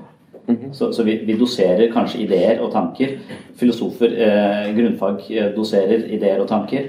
Eh, men du må eh, De har ikke like god oversikt om de folka som er der, har er eh, kapable til å bære de nye ideene sine, eller om det går til helvete på hjemmebane med kona hvis det går på grunnfag, på en måte. Mm. Så, mens, mens, vi, er kanskje, vi er litt på pulsen på folk og ser hvor mye kan du tåle av nye ideer. Så vi er ikke imot å ta skjelettene ut av skapet, vi er bare imot å ta så mange skjeletter ut av skapet at de dreper det. det er vel, ja. ja. For filosofi er det ingen kjæremor. Nei. Nei. Det er, det er, det er hardcore. Ja. Da har vi Andreas og Anders. Så tar vi Andreas først, og det er Anders etterpå. Ja, takk. Det er jo veldig interessant, eh, syns jeg, da, på mange vis. Eh, men som du sier også, så er eh, hallusinogene stoffer de kan forsterke forestillingene og, og sanseapparatet og bevisstheten osv. De kan føre til veldig mange, mange inntrykk. Det kan lyses opp. Det er jo bevissthetsutvidende. Men det som er, og er det det som skal til for at vi skal få komme ut av bunkersen eller av forsvarssystemene eller, eller lignende? Det finnes jo en annen sånn kjemisk boost for dette, eh, som også er relevant for forskningen det gjelder LSD og, og lignende stoffer. Det er oksytocin, eh, eh, vasopressin og eh, endorfin, altså beroligende stoffer Det å mestre følelsen, beroligende følelsene. Og der var det jo masse forskning bl.a. fra Statens Hofstad at hvis vi klarte å eller terapeuten klarte å berolige, skape en følelse av omsorg, trygghet osv., så, videre, så var det veldig ofte positivt med, med LSD-lignende stoffer. Men hvis pasienter f.eks. Jeg tror også mange her som har hatt bad track, skikkelig litt psykotiske og schizofrene, så de har hatt en grunnleggende forestilling og en grunnleggende redsel som ligger under. Så det som jeg tenker er at eh, det er kolossalt viktig med den følelsen av trygghet og varme omsorg. Hvis vi mestrer følelsene, da, så tror jeg det kan være veldig sunt og veldig positivt. Hvis vi ikke gjør det, så kan det være farlig. Det, det, tror jeg er helt riktig. Og det er altså noe som man vet Man snakker ofte om set and setting uh, i bruk av rusmidler. Der, uh, der det er viktig at den, en, ens, ens, der det er viktig både at en selv er mentalt forberedt for det, og at man er i omgivelser som kan fungere. Man har jo forsøkt eksperimenter på bare legge folk ved siden av hverandre i sykehus, sykehussenger i veldig kalde, forferdelige sykerom. Hvis man må gitt dem LSD og sett at dette ikke virker veldig bra. Uh, uten noe beroligende i det hele tatt. Det er jo noe som definitivt er en veldig mental opplevelse. Uh, så det kan, og hvis man tenker litt igjen at det er et forstørrelsesglass, da, uh, for å bruke litt sånn Stanislav Groff sin metafor igjen og det er klart, hva, Hvis det er et forstørrelsesglass, kan det være veldig fint, men hvis du ser på noe helt forferdelig, hvis, noe, hvis du har en grufull opplevelse, da, klart å få den veldig forstørret og forsterket kan være helt forferdelig. Men der burde man også forsøke å forske på da, hvordan vil det være å kombinere eh, psykedelika med angstdempende midler f.eks. Sånn at man kan finne en grunnleggende ro for deretter å oppleve dette. Det kunne vært spennende, et spennende si, forskningsprosjekt. Spørsmålet Hvor mye av de gode insektene vil man da eventuelt tape? Eh, og hvor mye vil den forsikringen mot at det går forferdelig ille, da, kunne hjelpe en? Ja, eh, kjempebra. Men det som er enda mer beroligende, nærmest, det er jo menneskelig forståelse, omsorg og trygghet. Jeg har sett flere ganger det jeg har truffet folk i psykotisk rus pga. hallusinogener og, og beroliget dem med, med varm omsorg og beroligende kommentarer. Du er trygg, du, er, du kommer deg ut av dette igjen og lignende. Det kan være enormt mye kraft i det. det forskning viser også at det kan være mye mer beroligende enn benzodiazepiner osv. Klart. Mm. Klart.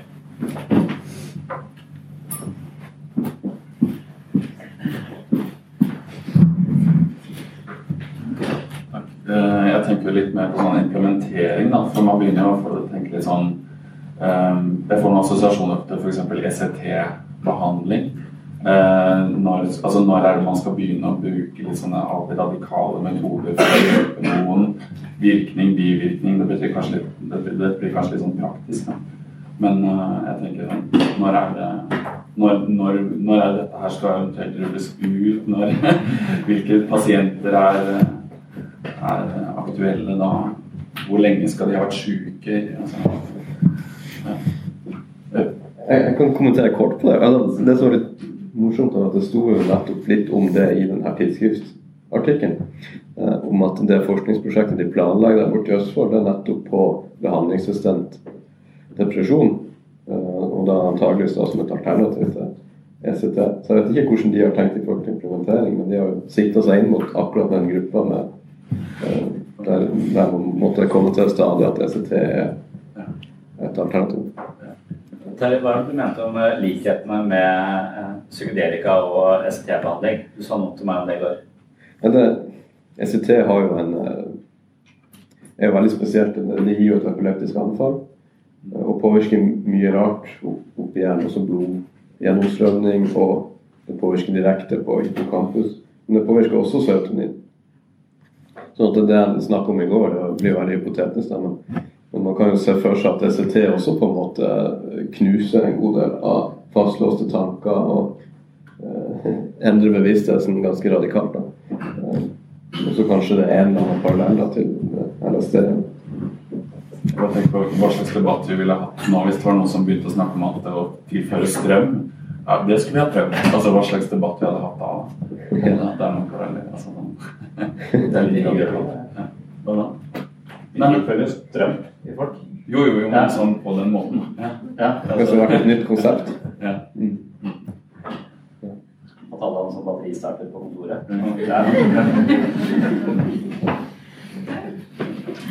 SSC har jo sånn en frakterende effekt. Mm. Jeg vet ikke om det var tenke om det som sagt der, Martin? Man kan, kan si det liksom metodemessig om dette her, da. At det er jo det er alltid et spørsmål om Når man har de, disse midlene som Spørsmål skal de brukes, skal de ikke brukes, så er vi jo en lang Vi er jo fortsatt et godt stykke fra å vite hvordan disse mer nøyaktig bør implementeres. Hvilke pasienter, vil, hva bør være kriteriene, hva bør være eksklusjonskriteriene. Eh, det er et veldig åpent spørsmål foreløpig. Spørsmålet er bare har vi grunn til å tro at det i hvert fall er langt unna hva jeg som fagfilosof vil kunne mene noe om. Eh, men spørsmålet er bare hvordan er det vi bør tenke om denne gruppen rusmidler som sådan. Og det å gå på en måte fra si, filosofien og teorien rundt dette til rent implementeringsmessige, der er det en ganske lang vei å gå. Og det er viktig å ikke tolke Det er viktig å ikke tro som filosof at det man tenker har umiddelbare policy-implikasjoner, for det har det ikke nødvendigvis. Men det er også viktig heller ikke tolke filosofi som policy-forslag. For det er en langt, langt arbeid som alltid må være mellom her.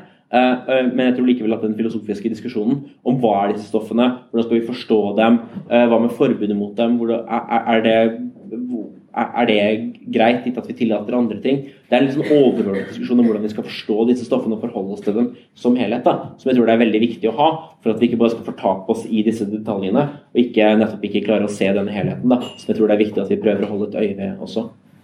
Ja.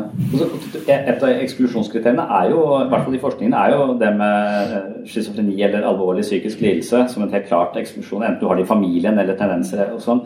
Så, så, det kan jo hende at du bør ha en viss soliditet i egoet ditt uh, før du går inn i, i noe sånt. For det, det er liksom, hvis du med viten og vilje prøver å komme ut av din virkelighetstunnel, så er du liksom litt agent i det prosjektet. Mens eh, en eh, schizofren kan jo ha falt ut av sitt eget ego og aldri komme tilbake igjen. Og, på en måte falle fritt. Og det er sikkert ikke noe behagelig eh, opplevelse. Så noen kunstnere, sånne kubister, sånn, de, de, ønsket jo å bruke stoff De ønsket ut av det vante perspektivet for å skape noe helt, helt nytt. Og da er det med viten og vilje. Mens schizofrene ofte bare faller ut. Og har ikke valgt det. Og da er det en skrekkinnjagende opplevelse snarere enn noe man på en måte og, og, da kan man jo se for seg at hvis du har et skjørt ego og du faller ut av det, at det aldri er et sted å stå etterpå. Uh, og hvis du aldri har et sted å stå etterpå, så, så vil du kanskje bruke 30 år da på å ha noia. Uh, det mm. kan man jo se for seg i hvert fall. Ja. Og det vet man allerede. At schizofreni er noe som er et eksklusjonskriterium ja. for, for, alle disse.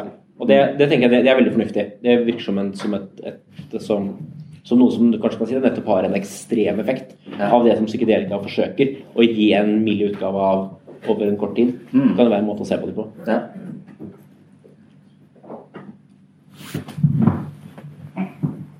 Nytt spørsmål her nede.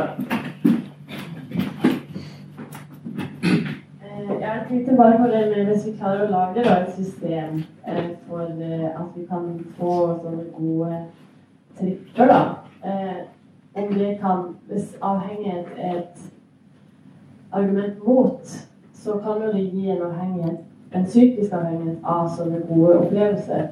Og hva, når blir den avhengigheten et problem? Og altså for eksempel så var det etter at uh, den filmen 'Avatar' kom, så var det veldig mange som eller veldig mange, men noen fikk en sånn depresjon etterpå fordi at de innså at verden var kom aldri til å bli så bra, da. Men så kan man jo si at det er en god ting. Um, ja. ja altså, det med, det med avhengigheten Det viser seg at rotter prøver det bare én gang, så gidder de ikke mer. Hvis de gir masse kokain og de har det litt kjipt, så, så kjører de på. Uh, så, så, det er som du sier jeg, jeg, tenker at, at, det som vil være en god bruk av disse, disse midlene, rusmidlene, vil jo være om de ikke bare gir en god opplevelse der og da, men de også gjør at man får det bedre når man ikke er på disse rusmidlene. At det kan gi en forståelse av at oi, jeg hadde tenkt slik og slik. Jeg hadde tenkt at karrieren min var mye viktigere enn familien min. liksom. Jeg hadde bare tatt det for gitt. At jeg må ha mye, mye mer penger. Men det må jeg kanskje ikke. Kanskje jeg ikke trenger det, kanskje jeg kan slappe av. Kanskje jeg kan bare nyte det å være til stede her. Kanskje man kan lære å være litt mer mindful og til stede og se verdien av det. Så jeg, jeg, tenker jo nettopp at, at, noe av det som skal være viktig, som jeg tror er viktig med den slags type behandlinger, da, er at de er ikke bare gode der og da. De er ikke som å spise en Sobril eller en Valium som gjør at du bare får det godt en liten stund, og så er du tilbake igjen. Det er noe som spiller det filosofer kaller mer en epistemisk rolle. da, Altså en rolle som er, er man, man når kanskje kunnskap da, om hvordan ting er, hvordan man prioriterer ting, hvordan man forholder seg til andre mennesker. Og jeg tenker at Det som vil være en god bruk av dette, er nettopp der hvor der hvor tiden uten rusmidlene er bedre pga. rusmidlene.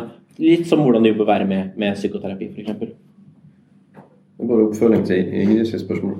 Vil det ikke være, eller er det ikke folk som uh, bruker det gjentatte ganger for å prøve å oppnå denne opplevelsen på nytt? Jo, det, det, er folk som bruker det flere ganger.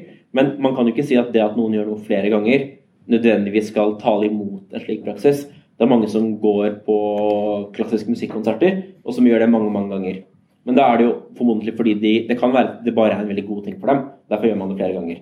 Spørsmålet er bare er det slik at de er lurt til å tro at det er en god ting, selv om det er dårlig. Eventuelt er det slik at de vet at det er dårlig, men likevel føler de bare at de må gjøre det.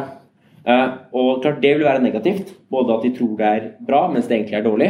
Uh, og at de, de, føler at de bare må gjøre det, selv om de selv mener det er dårlig. Men man kan ikke vite bare for at noen gjør noe igjen, hvorvidt det er dårlig eller ikke dårlig. Eh, Så, men hva angår denne det er, det er ingen som får psykedelika abstinenser. Eh, så vil, de fleste som bruker dette, vil jo da mange en vanlig ting å si at dette er som å klatre opp på et fjell. liksom. Du, man kan klatre opp på et fjell og ha en vanvittig opplevelse der, men du har ikke lyst til å klatre opp igjen dagen etter. Uh, det, det, da er man sliten, da er man utslitt av dette. Og noen bruker dette ganske sjelden. Veldig, jeg har aldri hørt om tilfeller der noen måte bruker psykedelika liksom hver dag eller annenhver dag over en lengre periode. Det kjenner jeg ikke til noen tilfeller av. Vet ikke om du kjenner til det? En, en, innvending før til neste spørsmål, som jeg bare eh, hadde lyst til å spørre deg om. Eh, eh, det er at Transhumanismen er kanskje kjent for en sånn slags teknologioptimisme. De har troa på ny teknologi, og, og man kan se på, se på, rusmidler som en slags mentalteknologi, kanskje. Men, men, men, det er et eller annet, hvis du ser på Clockwork Orange, den filmen, som, så så, så, så, vil man med en sånn form for atferdsterapi bare indusere kvalme i Alex eh, fordi han elsker å voldta folk. Og så viser han masse voldtekt, og sånn at de klarer å koble Han blir kvalm når han ser voldtekter eller nærmer seg det. Så han på en måte tvinges ut av et atferdsmønster som han har likt. Eh, men som han nå er eh, kvitt fordi at han er tvunget ut av det. Men han er på en måte ikke med i prosjektet selv. Da. Han har bare på en måte fått en behandling som kommer utenfra og inn. Eh, mens man tenker kanskje at den virkelige forandringen et menneske kommer innenfra og ut. Et annet eksempel vil være hvis eh, jeg hadde en dame som, eh, som, sa, som, sa, at hun var redd for å dø, og så hadde hun prøvd å slutte å røyke i 20 år, var redd for å få lungekreft. Men hun klarte ikke å slutte å, slutte å røyke. Og så tenkte jeg jeg kan, jeg kan hjelpe deg med å slutte å røyke på, på ca. fem minutter. Du kan komme inn på kontoret mitt, og så kan jeg gi deg et, et, et halsbånd med dynamitt og en røykvarsler. Og neste gang du tenner opp en røyk, så eksploderer hodet ditt. Da er du kvitt hele problemet. Du vil ikke tørre å, eh, å, å fyre opp en røyk, uh, røyk, da. Eller man kan se at uh, hvis jeg sier til deg at du må løpe Oslo-stafett hvis ikke så dreper jeg deg og familien din. Så, så, så, løper du det og opplever det som den verste dagen i ditt liv. Du klarer det på under ti minutter, for det er kravet mitt, ellers så dreper jeg deg. Men du kan også trene deg opp til dette og jobbe i et lag og osv. Og, så og så kan hele familien din stå og heie deg i mål. Det kan være den beste dagen i ditt liv, avhengig av om du på en måte er med i Du er en agent i dette prosjektet, eller om du kommer utenfra og inn. Mm. Eh, så, så, man kan jo kanskje tenke at uh, psykedelika er et slags sånn teknisk hjelpemiddel hvor vi slipper å gjøre jobben sjøl, mens vi tenker kanskje at virkelig forandring er den Så man kan tenke at uh, du kan kanskje få denne innsikten på uh, et kvarter, eh, eller du kan sitte 20 år og meditere og få den samme typen innsikt og opplevelser, men da eier du den, for du har på en måte gjort den med din egen Du har bygd deg selv, da. Mens dette her føles som en snarvei. Jeg sier ikke at det er det, men det kan være en innvending eh, eller en, en forståelse av det. Jeg, jeg ville tenke eh, nesten det motsatte. Okay. Eh, og tenkte at dette er Du pleier det? Jeg pleier det. Ja. Eh, og, og hvor, hvor, man kan si at en del Uh, veldig mange altså SSRI, SSRI eller benzodiazepiner tar deg jo ikke med. Den tar deg ikke med på noen Man er ikke med, man skjønner ikke noe nytt, man går ikke noen nye mentale steg selv. Pakker ja. Den pakker deg bare inn, eller du, du, du, du bare føler deg bedre. Eh, psykedelika synes å være et, uh, et middel som tar en med på en, en, slags reise der man forstår noe, der man ser noe, man ser det, man ser det, man ser det. Det er kanskje litt som å dra på en reise med starttur eller et eller annet sånt nå, ja. hvor du på en måte har litt sånn Du blir, du blir tatt med da på et fly, ja. men du ser faktisk de tingene. Ja. Du sitter ikke bare hjemme og sover. Du er faktisk med ute og ser på ting. Og er, ser hvor vakker verden kan være, hvor sterke farger kan være, hvor, hvor fascinerende ting er. Og jeg tror ikke det er noe sånn falskt ved det. Så jeg tror kanskje psykedelika er noe som nettopp på å si, bevarer da, det aktørperspektivet på en måte som psykofarmaka for øvrig ikke gjør. Så det er forskjell på Du kan på en måte gå og svømme til Gran Canaria, eller du kan ta flyet, men du opplever likevel Gran Canaria. Men den ene turen hvor du går hele veien sjøl, tar jæklig lang tid og er ja, utmattende. Det er kanskje en metafor som kan fungere, ja. Fordi det, nettopp fordi, for jeg tror ikke man lures da, direkte. Nei. Det er ikke slik at effekten av dette er at du tar den, og du vet ikke hvorfor, men etterpå så føler du deg bedre. Ja. Det, det, er ikke der folk er. Folk, når folk beskriver hva som har skjedd, så er de Oi, nå skjønte jeg det. Nå så jeg det trekket ved meg selv. Nå ser jeg hvor viktig kjærlighet er, bare for å bruke en veldig sånn hippie ting, da. Men det er jo kjempeviktig. Eh, hvordan man ikke trenger å være så hard med seg selv, kanskje. Kanskje man, man, har på en måte en sånn forståelse av Bare man har ikke sett da hvor viktig bare umiddelbare sanseopplevelser, smak, lukt altså tingene hvor viktige de kan være. da Man har på en måte glemt dem litt bak dette filteret som bare gjør verden litt sånn blass og du. Så ser man plutselig Oi, så sterk, så interessant fin den kan være. Mm. Og jeg tror ikke det er noe lureri, da. Jeg tror ikke du plutselig er endret uten at du selv visste hvorfor. Man har vært med på å gå en tur, og så ser man at oi, her var det mye fint. Mm. Så det jeg vil nesten si at Hvis dette skal skille seg ut på en eller annen måte blant andre typer psykofarmaka, så vil det skille seg ut på nettopp den måten. Ja, for Det jeg syns er veldig interessant med det, er jo nettopp det at i psykisk helse så ønsker vi av og til å endre måten folk tenker på. For de tenker på en nedslående måte. Så vi ønsker å endre tankene, men vi ønsker også å endre forholdet de har til sine egne tanker. Uh, altså at, at, tanken ikke skal nødvendigvis litt sånn eh, Freud sier at alt du opplever er filtrert via nevrosene dine, så du må ikke stole på det. For det er uansett ikke en objektiv sannhet. Så det å få et litt større avstand til tankene forholde seg til sine egne tanker på en litt mer kritisk måte, samtidig som innholdet i tankene dine kan også eh, eventuelt endre seg litt. Og da virker det som uh, disse rusmidlene gjør begge deler. De, de gir et annet forhold til tankene dine, samtidig som de endrer tankene dine på en sånn måte at du aldri at du virkelig får den innsikten at alt det som foregår inni dette bevissthetsteatret, det er eh, konstruksjoner, på en måte. Ja, men jeg tror Man kan se at ting kan bli veldig at man ser på en måte hvordan ting kan være annerledes. da. Man tar på en måte bare for gitt at ting er bare slik det ser ut. Mm. Men hvis, man da kan, hvis folk kan ha en opplevelse hvor ting bare ser veldig annerledes ut en liten stund, så kan man i hvert fall si at ok, det er i hvert fall ikke bare gitt, da, slik som det er det, det, det, det, kan hende det bør være slik som det er til daglig, men det er i hvert fall ikke den eneste måten verden kan se ut på. Da. Og Det vil jeg tro er noe som man som, som psykolog opplever litt. da. At det er Pasienter som bare er veldig låst. De har kjørt seg inn i et spor, de kommer ikke ut igjen. Og de ser på verden og seg selv på en bestemt måte. Og de oppdager ikke egentlig at dette er deres måte å se verden på. For de ser jo bare ut i og ser at her er det forferdelig, her er det skummelt, og alle hater meg. De ser bare det. De ser ikke at dette er én måte å tolke og forstå verden på. Men den bevisstheten rundt at at en sinnstilstand i dagliglivet da, ikke er den eneste tenkelige eller mulige sinnstilstanden, men en blant svært svært mange.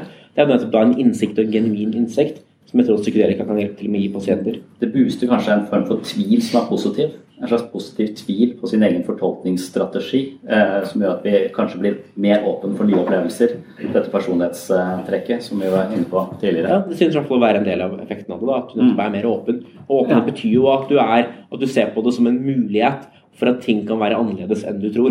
Ja. Det er jo det åpenhet egentlig er. Mm. Borghild, er du åpen for dette her? Ja. ja. politisk ukorrekt med din innledning. Om å ikke kunne se ting annerledes, så vil det være veldig politisk ukorrekt. Ja. ja. Men jeg har tre spørsmål. Eh, det ene er det at dette med bad trips. Er det noe dere vil si noe om? Dette, skade, dette med bedrift, eventuelt skade, eventuelt man flyr ut fra fjellet. Dette med lagring i fettvev og eventuelt tripp som kommer. Og det siste er det jo, Dette er jo ikke noe nytt i bruk i Norge. Vi hadde forskning på 70-tallet. Kan dere si noe om erfaringer fra den? Da ble det brukt i behandling i et forskningsopplegg.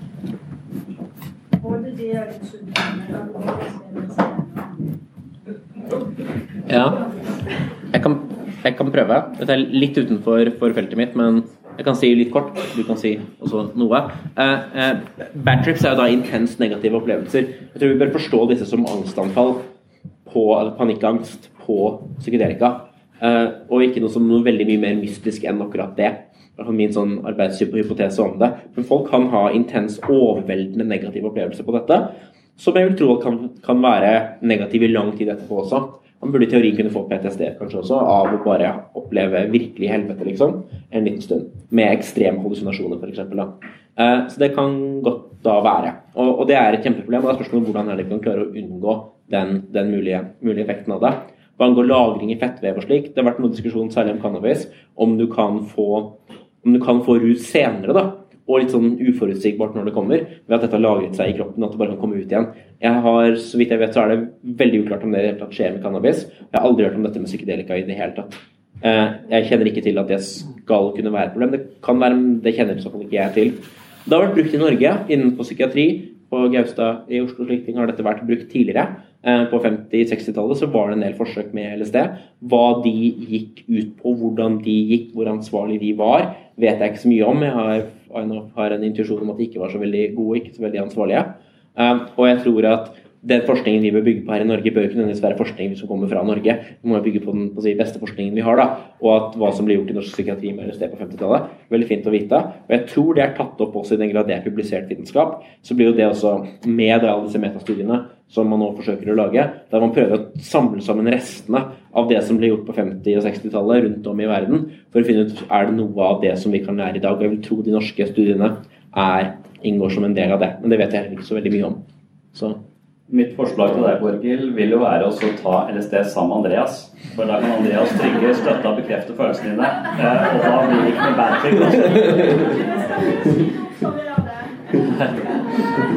trip. Så ja. Det er noen flere spørsmål, men jeg stikker ganske straks. Ja, jeg husker den eh, ja.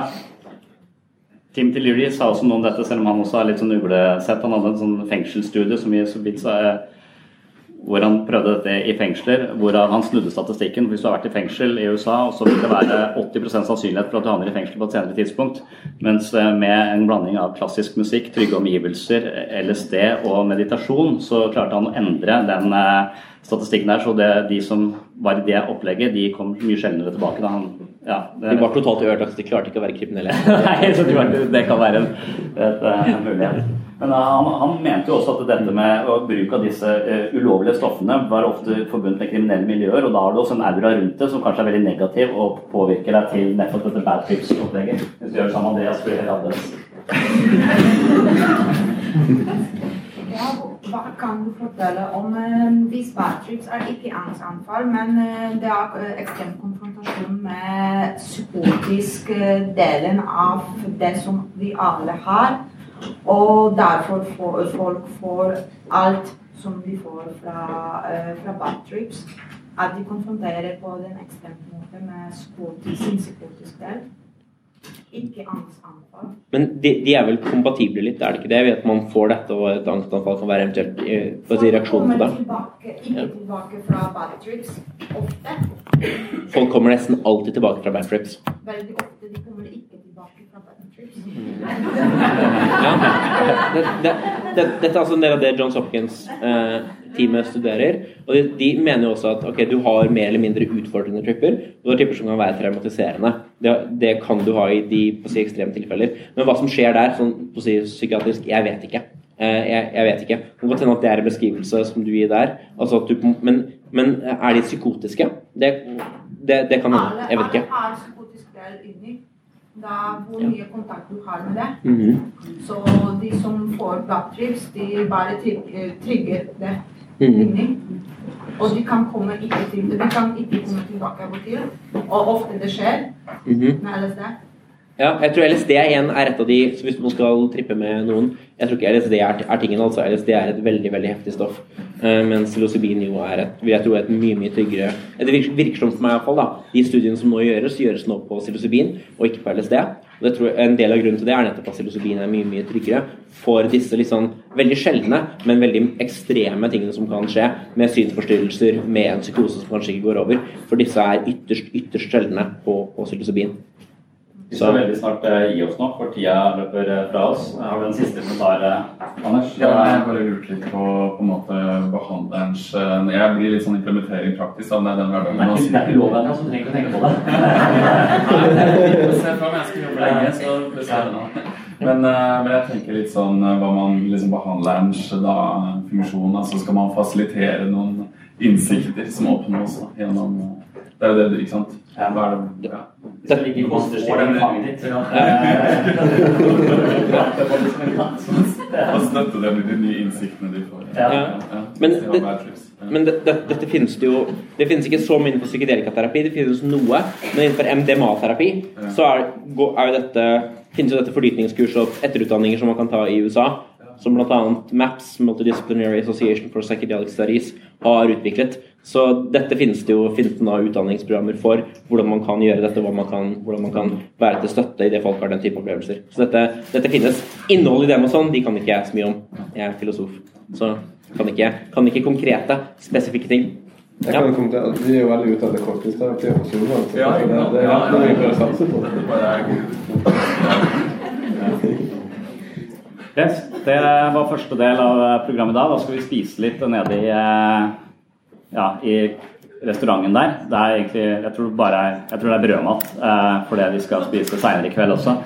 Så vi ikke, kan ikke slå for mye på stortromma i offentlig helsevern. Men eh, da vil jeg egentlig bare runde av og takke Terje og Ole Martin eh, for, eh, en, for meg i hvert fall en veldig spennende eh, samtale. Du har selvfølgelig sett helt annerledes på ting igjen, så nå må jeg gå igjen og tenke i flere år til. Og det, det, det fungerer for meg, og det stimulerer meg. Så det er kjempespennende. Jeg er veldig glad for at du tok turen til oss i dag. Det setter jeg veldig stor pris på. Jeg håper jeg møter deg igjen ved noen anledninger. Jeg så du var på Filosofifestivalen dagen etter meg i år, eh, så da gikk jeg glipp av deg. Men jeg håper å ved en annen anledning treffe deg igjen. Eh, takk for det. Og, og så får du en eh, oppmerksomhet her som jeg håper vi ikke er uh,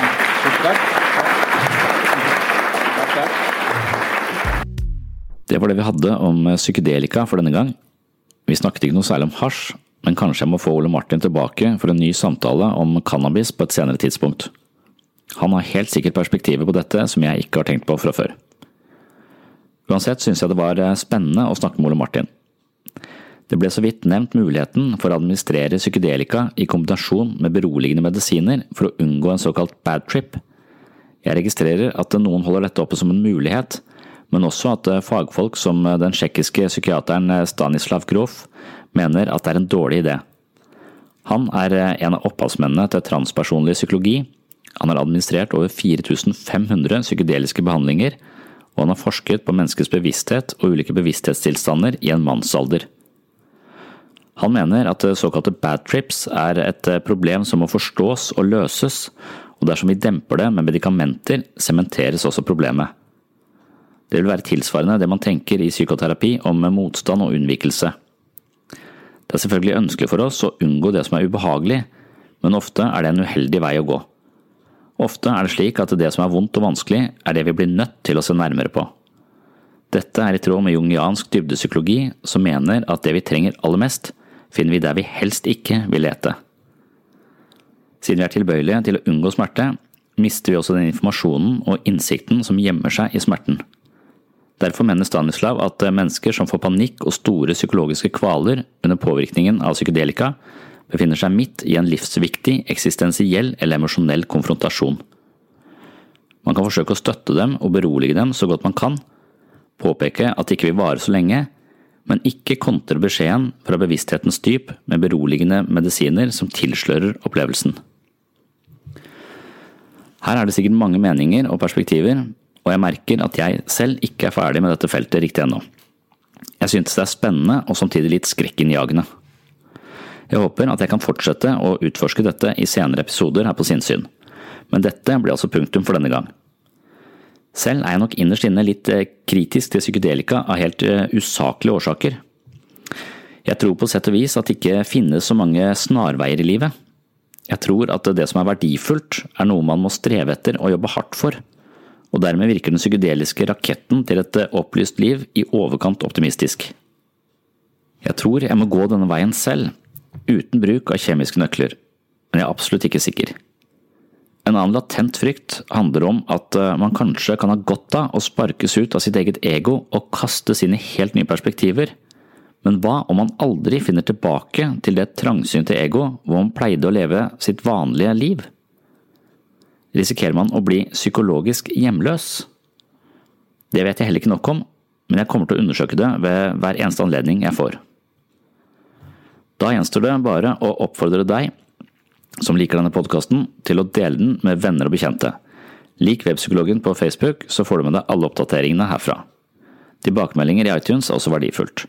Og dersom du liker tankene og tonen i denne podkasten, tror jeg også du vil like bøkene jeg har skrevet om menneskets psykiske liv, mentale mønstre, bevissthet og muligheter for vekst og utvikling. Disse kan du anskaffe til best pris med gratis frakt og rask levering fra webpsykologen.no. Håper du henger med i neste episode. Det blir helt annerledes. Sannsynligvis blir det en episode hvor jeg får passet mitt påskrevet av en arbeids- og organisasjonspsykolog han diagnostiserer meg som en surmaga, kritisk og negativ sutrekopp som ikke tåler forandring. Det blir nok et støt mot min snevre virkelighetstunnel. Er du interessert i dette, så må du følge med i neste episode. På gjenhør!